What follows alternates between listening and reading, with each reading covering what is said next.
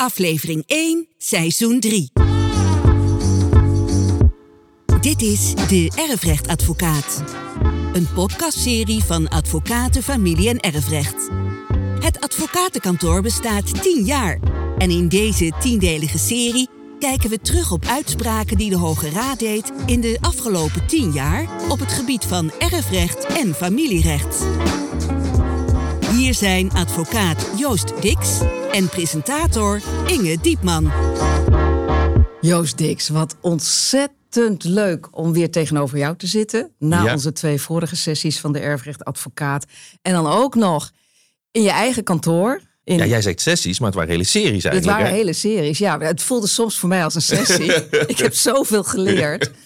En ik heb zelfs naar aanleiding van die sessie mijn eigen testament laten aanpassen. Omdat ik dacht, oh, die is wel veel te oud. En dan moet toch Missie geslaagd, zeg ik dan. Missie was geslaagd, ja. En wellicht geldt dat ook wel voor anderen die luisteren. Jullie bestaan tien jaar. En ik vind het zo ontzettend leuk, want we zitten in Eindhoven, in je eigen kantoor. En ik zeg ook jullie, want naast jou zit Brechtje Boelens. Hartelijk welkom. Ja, dankjewel. Leuk om erbij te zijn. En eh, jullie gefeliciteerd met twee geweldige podcastseries. Ja, we gaan weer een nieuwe maken. We staan aan het begin. En het is niet voor niks dat eh, jij er even bij komt. De eerste twee waarschijnlijk hè, afleveringen. Omdat jullie tien jaar bestaan. En het is niet alleen het kantoor van Joost, maar ook van jou en van Edith Snakkers, die er later als partner bijgekomen is. En voor de luisteraar even heel erg leuk om te vertellen. Als je hier aankomt rijden in Eindhoven, denk je, waar hebben ze dit kantoor toch in vredesnaam neergezet? Op een industrieterrein, keel, koud, veel vrachtwagens. En dan kom je trein oprijden. En dat is dat een trein van een ontzettend schattig, lief boerderijtje wat je omarmt. Hoe zijn jullie hier terechtgekomen, Joost? Nou Ja, wij waren eigenlijk op zoek naar een plek waar het gewoon fijn is voor cliënten om te zijn. Want wij hebben natuurlijk eh, best wel moeilijke materie waar we het over hebben. Niet alleen juridisch inhoudelijk, maar mensen komen toch wel met, met grote levensproblemen hier, eh, hier terecht. En dan moet je eigenlijk een plek hebben ja, dat rust uitstraalt, eh, waar het fijn is om te zijn. En dat hebben we hier echt wel gevonden. En Brechtje, jullie hebben samen dit kantoor opgericht. Edith kwam er later bij. Een kantoor dat gaat over familie en erfrecht. Is dat de logische combinatie? Dat is eh, voor ons een hele logische combinatie. Je moet het eigenlijk zo zien dat voordat je een nalatenschap kunt afwikkelen, je het eh, familievermogensrecht moet hebben afgewikkeld. Dus de gemeenschap waar mensen in getrouwd zijn of de huwelijksvoorwaarden. Is een groot verschil eigenlijk tussen familie en erfrecht? Of je de ene zaak doet of de andere zaak? Het gelijkenis is dat het altijd met emoties van mensen te maken heeft en dat het heel erg ingrijpt in het leven van mensen. Het verschil is dat eh, bij echtscheidingen je weet welke onderwerpen er aan bod komen. Je weet wat er moet gebeuren in een echtscheiding. En het spectrum bij het erfrecht is wat breder, wat groter en vaak iets juridischer. Het leuke van deze serie, Joost, is de afgelopen twee series eh, gingen. eh, serie 1 ging over de meest gestelde vraag. Serie 2 ging over casus, hè, casuïstiek. En gingen allebei over erfrecht. Deze serie gaat over erfrecht en familierecht. En over uitspraken van de Hoge Raad. Waarom deze keuze? Ja, we heten natuurlijk de erfrechtadvocaat, hè, onze podcast. Maar ja, ik dacht, eh, ik laat ik eens aan Inge voorstellen of we toch misschien ook eens wat familierecht kunnen gaan doen. Want ja, de afgelopen tien jaar, eh, advocaten familie en erfrecht bestaat tien jaar, ja, zijn er ontzettend veel uitspraken gedaan in het familierecht en in het erfrecht. Dus het, het, wemelde van uitspraken. Niet alleen maar zomaar uitspraakjes, maar ook hele belangrijke uitspraken. Die uitspraken mogen we met ons opleidingsinstituut, het Familie- en Erfrecht Instituut Nederland, ook een cursus geven door het hele land aan juristen en advocaten en notarissen. Dus dat vinden we heel leuk werk. En we hebben eigenlijk eens gekeken, goh, wat zijn nou in die tien jaar ook de me- meest tien opvallende uitspraken of belangrijke uitspraken, zowel in het familierecht als in het erfrecht. Dus het plan is dat we in elke podcast een belangrijke erfrechtelijke uitspraak gaan bespreken en een belangrijke familierechtelijke uitspraak. En we hebben dan gezegd, het moeten allemaal uitspraken van de Hoge Raad zijn. En waarom? Ja, kijk, de Hoge Raad is het hoogste rechtscollege in Nederland. En als de Hoge Raad iets zegt, ja, dan is het regel. Een familierechtenuitspraak gaan wij bespreken. Maar we gaan eerst naar het erfrecht. En we gaan terug naar 11 oktober 2013. De Hoge Raad en het erfrecht. We hebben een overleden vrouw, haar broer en haar man. Wat is er aan de hand, Joost? Ja, wat is er aan de hand? We gaan een uitspraak bespreken die gaat over uitleg van het testament. Daar gaan we het over hebben. Ja, die erflaatster die had in uh, haar testament de broer tot enig erfgenaam benoemd. En de vraag waar de Hoge Raad voor stond was van ja, moeten we dat inderdaad letterlijk zo gaan lezen of moeten we daar gaan uitleggen? En de eerste vraag die natuurlijk opkomt is, ja, waarom zou je in vredesnaam gaan uitleggen, een testament gaan uitleggen waar heel duidelijk staat, ik benoem een broer. Daar moeten we de casus een beetje voor kennen. Ja, want het grappige in dit geval is, de erflater zei in eerste instantie, of althans in het testament, broer, ik ga jou alles nalaten. Vervolgens gaat ze trouwen en laat ze nu uiteindelijk, althans volgens de man, alles na aan die man. Nou ja, dat was de casus. Hè? Dus de casus was, goh, in mijn testament zeg ik, uh, ik benoem mijn broer tot enige erfgenaam. Erflaatster was op dat moment uh, ook niet getrouwd. En waarom had ze die broer nou eigenlijk uh, benoemd? Ze stond niet zo op goede voet met de ouders. Dus er was eigenlijk geen ander alternatief voorhanden. Daarom benoem ik mijn broer maar tot erfgenaam. En later is zij gaan trouwen. En dat testament is nooit aangepast. Dus tijdens dat huwelijk stond nog steeds in dat testament de broer. Dus je zou misschien wel een beetje kunnen zeggen, was het misschien een beetje vergeten om dat testament aan te passen. Dus broer denkt, ik erf heel veel, maar vervolgens zie je dat de man denkt, wacht even, ik stap naar de rechter, Brechtje. En dan? Ja, de reden dat de man naar de rechter gaat uh, is gelegen in het feit dat de bedoeling was geweest om vooral die ouders te onterven.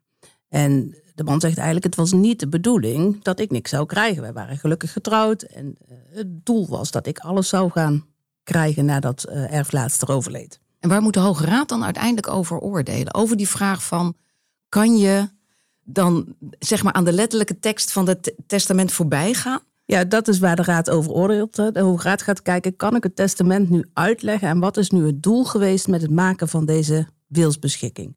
En als je naar die uitspraak kijkt, weet heel zwaar mee dat het doel van de erflaatster is geweest dat haar ouders vooral niks zouden krijgen. Dus het was niet de bedoeling heel specifiek om de broer als erfgenaam te krijgen.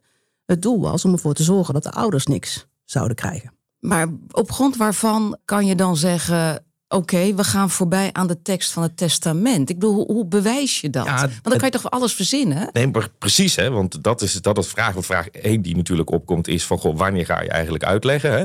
Ga je ook uitleggen als de tekst op zich duidelijk is? Hè? Want dit was natuurlijk een ontzettend duidelijke tekst. Hè? Daar stond gewoon broer. Hè? Maar hier had die echtgenoot ervoor gekozen... Ja, ik zeg maar even gekserend... daar kwamen busladingen getuigen die eh, daar allemaal gingen verklaren van goh, nee, het was echt de bedoeling dat de echtgenoot zou erven. Dus eigenlijk is daar door getuigenbewijs naar voren gekomen ja, dat het toch de bedoeling was dat de echtgenoot zou erven. En ja, de Hoge Raad zegt dan ook, ja, goh, nu we die echtgenoot hebben, was er ineens wel een alternatief. Hè? Was er ineens wel een alternatief voor ja, wie, eigenlijk, eh, wie eigenlijk zou moeten erven. Maar hoe sterk moeten die getuigenissen dan zijn? Om dus de tekst van het testament eh, terzijde te schuiven. dus ik heb mijn testament naar aanleiding van die series eh, van, uh, met Joost veranderd. En nu denk ik, nou, het staat er helder nu in. Maar iemand anders kan dus. In feite zegt de Hoge Raad een beetje: ik zet hem op. Ik zet, ik zet, het, ik zet de deur op een kier om het testament ruimer te interpreteren. Ja. En uiteindelijk is de rechter degene die het bewijs waardeert dus de rol van de rechter daarin is, eh, is groot. Die moet waarderen hoeveel waarde hij hecht aan de getuigenissen die zijn afgelegd. Kun je daar nog een uitspraak bij halen van de afgelopen tijd? Want dit is uit 2013. Dus ik ben heel erg benieuwd hoe dat dan in de afgelopen tien jaar is eh, gegaan. Kijk, deze uitspraak uit 2013 is geselecteerd omdat het zo'n bijzondere uitspraak was. Hè? Dus hieruit kun je afleiden van, goh, als we dit al mogen uitleggen, hè, misschien mogen we dan op meer punten wel gaan uitleggen. Hè, mogen we ook gaan uitleggen als, uh, als de tekst op zich duidelijk is. En er zijn best veel uitspraken gevolgd daarna. Hè, bijvoorbeeld uh, van de rechtbank Noord-Holland, 1 juni 2022. En daar was een meneer die elke keer als hij iemand in zijn leven had, eh, privé of zakelijk, dan ging die daar een nieuwe erfgenaam benoemen. Dus hij had nog wel eens een nieuw testament gemaakt. En op een gegeven moment. Klinkt als een meneer die een heel afwisselend liefdesleven heeft gehad, zullen we maar zeggen. Zo blijkt dat een beetje uit die uitspraak, inderdaad. En op een gegeven moment eh, stopt hij daarmee met het maken van die nieuwe testamenten. En gaat hij eigenlijk briefjes schrijven. En in die briefjes staat dan wie eh, op dat moment de erfgenaam is. Nou ja, je voelt hem al een beetje aankomen. Dat laatste testament, ja, er zijn nog heel veel briefjes daarna verschenen. En toen eh, gaat die meneer ook nog eens een geregistreerd partnerschap aan. En dan werd natuurlijk de discussie: goh, wie is nou de erfgenaam? Is dat nou de geregistreerd partner? Of is dat diegene die als laatste in dat echte testament vermeld staat? Dat was de discussie die toen speelde. Werd er toen teruggegrepen naar uh, op, op de Hoge Raad uitspraak van 2013? Ja, ja zeker. Hè. Dus daar, uh, daar zie je dan hè, dat daar, uh, daar gewacht van wordt, wordt gemaakt. En uit, uiteindelijk in die casus, ja, we voelen hem al een beetje aankomen. Er werd daar gezegd, ja nee, we moeten gaan kijken naar wat is de, wat is de bedoeling. Hè, wat is de bedoeling hè, voor de fijnproevers. We hebben het hier over artikel 46 hè, van boek 4 uit de uitleg van het testament. En daar zei de rechtbank, het is weliswaar een lagere uitspraak, maar ik denk gezien de redenering niet minder waardevol. Het zegt niet, de geregistreerd partner is hier de erfgenaam en niet degene die in dat oude testamentje vermeld stond. Ik denk dat jullie in deze Kamer, Brechtje, heel vaak ook boze mensen hebt. Omdat ze de uitspraak bijvoorbeeld van zo'n Hoge Raad niet snappen. Ja, dat, dat komt voor. Aan de andere kant kun je het ook wel uitleggen waarom de Hoge Raad heeft gedaan wat de Hoge Raad doet. En het komt in de praktijk heel veel voor. En je kunt natuurlijk als advocaat sturen hoe je wil dat een testament wordt uitgelegd. En de belangen kunnen heel groot zijn. Dan gaan we even terug naar de uitspraak. Of nu de broer erfgenaam is of de partner dat maakt nogal een verschil voor de betrokken personen. Kijk, en die rechter. De broer blijft dus gewoon nu met lege handen zitten. Inderdaad. Terwijl hij al die tijd dacht: ik krijg geld. Ja. ja kijk, en de rechter doet de uitspraak, maar de advocaat bepaalt hoe er geprocedeerd wordt. dus uiteindelijk is het natuurlijk zo dat de rechter de argumenten gaat wegen die door de advocaat naar voren worden gebracht. Dus het is ook nog hoe goed wordt er geprocedeerd. Afrondend, wat is hier de rechtsregel die de Hoge Raad heeft geformuleerd, Joost? Eigenlijk zegt de Hoge Raad bij de uitleg van een uiterste wil, hoef je niet alleen maar te kijken naar de letterlijke tekst van het testament, maar ja, ook naar de verhouding die de uiterste wil kennelijk eh, wil regelen. En je mag dan ook zelfs gaan uitleggen als de tekst op zich duidelijk is. Dan familierecht. We gaan terug naar 8 februari 2013. De Hoge Raad en het familierecht. Er was eens een man en een vrouw die gingen scheiden. What's nieuw, hè, zou ik bijna zeggen. Ze hebben wat te verdelen, zoals in zoveel echtscheidingen. Nou, even aan jullie. Waar draait het hier om? Het draait hier om, het is een gemeenschap van goederen waar de mensen in getrouwd zijn. Dat betekent even simpel gezegd dat ze eigenaar zijn van alles. Wij zeggen als juristen dan de onverdeelde helft. Hè, dus uh, samen eigenaar van alles. Ja, ik dacht altijd, je gooit alles op één hoop en dan deel je er twee. Ja, dat is de makkelijke uitleg. Dus laten we die vooral, vooral volgen. Maar je moet weten op een gegeven moment wat in die stapel zit. Hè? Dus wat, wat is de samenstelling van die gemeenschap? Dat noemen we een pijldatum. Tegen welke datum ga je kijken wat er allemaal invalt? En vervolgens is de vraag, nou dan valt er van alles in die gemeenschap. Maar tegen welke datum ga je nu waarderen? Dus je hebt eigenlijk twee pijldatums. En deze zaak gaat om het vaststellen van die pijldatum. Nog heel even naar de gemeenschap van goederen. Want volgens mij in 2018 is dat veranderd, hè? Ja, er is van alles veranderd. De uitspraak die wij nu bespreken, die gaat nog over de algehele gemeenschap van goederen. Want dat hebben we heel lang gehad in Nederland. Hè. Trouw je, automatisch boedelmenging, op een paar uitzonderingen na. is alles van samen. En toen zei de wetgever laten we eens wat moderner worden. Want heel veel mensen gaan pas trouwen dat ze elkaar al heel lang kennen. Of misschien een heel leven ervoor hebben gehad. Dus vanaf 1 januari 2018 kennen we de beperkte gemeenschap van goederen. Dus als je dan trouwt na 1 januari 2018 dan ja, alle bezittingen en schulden die je eigenlijk hebt voor het huwelijk, ja, die blijven voor jezelf. Hè, die worden niet gemeenschappelijk. En wat er tijdens het huwelijk wordt verkregen, dat wordt wel gemeenschappelijk en dat komt wel in die boedel terecht. Ook als je een dikke erfenis krijgt? Ja, voor de erfenis is het goed dat je dat opmerkt. Dus daar is weer een, een speciaal regeltje voor. Want schenkingen en erfenissen hè, die iemand voor of tijdens het huwelijk krijgt, hè, die blijven nu automatisch van die persoon. In het nieuwe recht. In het oude recht hè, was het nog zo dat die ook in de gemeenschap vielen, tenzij vader of moeder hè, in het testament had staan, de uitsluitingsclausule, dit is alleen voor mijn kind hè, en niet voor ook nog de partner. Dus het werkt nu net andersom. En dan terug naar dit stel, want dit is getrouwd voor 2018, hè? Correct. Ja, 2004 zie ik. Algehele gemeenschap van goederen. En heeft dat dan nog, ja, dat heeft dus effect ook op de pijldatum? Nee, op de pijldatum heeft dat op zich geen effect. De pijldatum voor de samenstelling, dat is hier niet aan de orde. Het gaat hier vooral over de pijldatum waartegen gewaardeerd moet worden. Voor de samenstelling van de gemeenschap van goederen is dat de datum waarin het echtscheidingsverzoek wordt ingediend. En partijen kunnen daar uiteraard andere afspraken over maken. Ja, daar kan je dus blijkbaar eh, flink over discussiëren. Want de vrouw was het niet eens. Hè? Die is naar de rechter gestapt. Ja, maar het ging hier over de pijldatum voor de waardering van de goederen. Dus ze waren er wel eens met elkaar wat in die gemeenschap viel, welke vermogensbestanddelen. Ze waren het alleen niet eens over de waarde van die vermogensbestanddelen en tegen welke datum gewaardeerd moest worden. misschien makkelijk om een voorbeeld te noemen. Stel je bent het erover eens dat je echtelijke woning in die gemeenschap valt. dan is duidelijk dat die echtelijke woning gedeeld moet worden. Zeker gezien de huidige woningmarkt maakt het nogal uit of je dat tegen een datum twee jaar terug moet doen of tegen de datum van vandaag.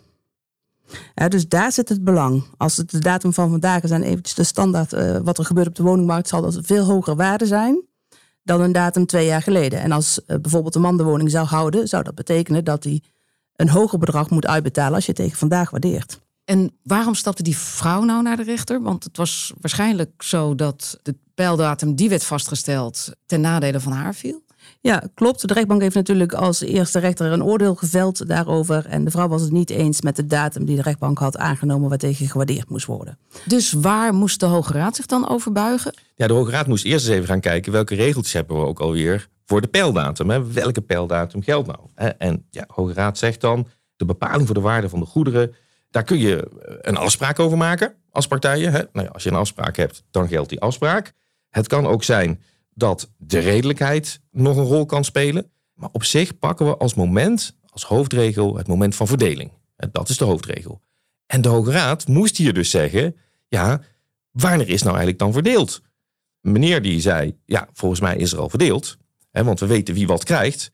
En mevrouw zei, nee, er is nog helemaal niet verdeeld. En dus de Hoge Raad moest eigenlijk een regeltje gaan bepalen, wanneer kun je nou zeggen dat er verdeeld is? En? Ja, en toen zei de Hoge Raad, het is wel nodig dat je niet alleen maar weet wie krijgt wat, maar ook welke financiële consequenties zitten daaraan vast. Dus als pijldatum voor de waardering hè, van wat hoort er in die huwelijksgoedengemeenschap, hè, geldt dus in de regel de datum van de verdeling. En ja, het feit dat je met wederzijds goed uh, vinden de huwelijksgoedengemeenschap hebt verdeeld, wil nog niet zeggen hè, dat je ook daadwerkelijk een verdeling bent overeengekomen als bedoeld in de wet. Nee, zegt de Hoge Raad, je moet ook overeenstemming hebben bereikt over de waarde van de goederen. Ja, en duidelijk moet zijn wat de financiële consequenties voor meneer en voor mevrouw zijn. Als je nou als leek hier naar zit te luisteren en je zit midden in dit proces en je ziet wat er bijvoorbeeld met de prijzen van huizen gebeurt nu. Wat is dan volgens de wet, nog even heel helder, Joost heeft nog een keer uitgelegd, maar wat is dan volgens de wet waar je dan rekening mee moet houden qua moment van peilen, van het moment dat je de waarde bepaald van alles wat op die ene hoop is gegooid. Ja, dat, dat komt erop neer dat je dus ook de waarde moet hebben die het dichtst mogelijk ligt bij het moment dat je bij de notaris zit. Dat kan je als uitgangspunt nemen. Dat is het uitgangspunt. Kijk, en als familierechtadvocaat hè, proberen we natuurlijk te voorkomen dat hier allerlei discussies over ontstaan. En veruit de meeste echtscheidingen, die behandelen we, die komen uiteindelijk niet bij de rechter in die zin dat die rechter moet oordelen. Maar dan maken we een prachtig echtscheidingsconvenant waar alle spelregeltjes in staan, alle afspraken in staan. En dan kunnen partijen gewoon een hele mooie afspraak maken over hoe de verdeling gaat. Wordt er trouwens nog veel in gemeenschap van goederen getrouwd? We zien vooral bij de oudere generatie eh, dat dat nog zeker zo is. Die zijn vaak ook getrouwd voor 2018. De jongere mensen of de tweede huwelijken, de tweede leg om het zo maar te zeggen, die komen niet zoveel voor in de algehele gemeenschap van goederen. Ja, en als je tegenwoordig de algehele gemeenschap van goederen wil, moet je dus naar de notarissen die moeten in de huwelijkse voorwaarden. Dus even voor het denken. Vroeger trouwde iedereen in de algehele gemeenschap van goederen. Automatisch hè, kreeg je gewoon van de wetgever. Tenzij je naar de notaris ging. En als je nu zegt, ik wil echt alles op één hoop. Moet je naar de notaris. Grappig hè? Ja, voor het bewustzijn goed, denk ik. Hè? Dat is waarschijnlijk wat uh, de wetsformulering uh, heeft uh, bepaald. Terug naar de uitspraak van de Hoge Raad. Wat was hier de rechtsregel die de Hoge Raad heeft geformuleerd? Als je gaat kijken naar de pijldatum voor de verdeling dan heeft de Hoge Raad gezegd: wat is verdeling nou eigenlijk? En niet alleen weten wie wat krijgt, maar ook wat is het waard en wat zijn de financiële consequenties? We hebben nog negen podcasts gegaan. En na aanleiding van deze podcast denk ik alleen maar: oh, wat leuk, wat interessant. Dank jullie wel, Joost en Brechtje. Ja, leuk om erbij te zijn geweest. Eh, en ik sluit volgende keer graag weer aan. Leuk, hou ik je aan. Tot de volgende keer. Dit was de Erfrechtadvocaat. Voor wie niet alleen wil luisteren, maar ook wil lezen over familie- en erfrecht, gaat naar familie-erfrecht.nl, de website van Advocaten Familie- en Erfrecht. Daar is ook alle informatie te vinden over het inschakelen van een erfrecht- of familierechtadvocaat. Mocht u willen reageren op deze podcast, stuur dan een e-mail naar info@familie-erfrecht.nl.